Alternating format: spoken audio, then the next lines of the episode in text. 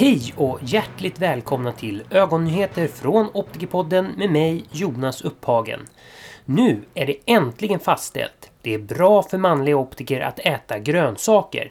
Är du optiker och man samt vill behålla tankeskärpan upp i åren kan det vara en bra idé att satsa på att få plats med mer grönsaker på tallriken redan nu. Enligt en amerikansk studie visade män som åt frukt och grönt färre tecken på försämring av den kognitiva förmågan än de som åt mindre av den varan. I studien ingick 27 842 amerikanska män som följdes i 20 år. Alla män arbetade inom olika vårdyrken som tandläkare, optiker, apotekare och veterinärer med en medelålder av 51 år vid starten 1986. Studien har dock flera begränsningar, bland annat att den kognitiva funktionen var självrapporterad. Studien visar dessutom bara på kopplingar och inte på orsakssamband. Och okända faktorer kan ha bidragit till att påverka resultaten, samt att den inte inkluderat kvinnor.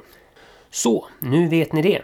Det var allt från dagens ögonnyheter från Optikerpodden och kom ihåg att dessa nyheter kan ni även finna på Optikerförbundets Facebook-sida om ni föredrar att läsa dem istället. Vi hörs!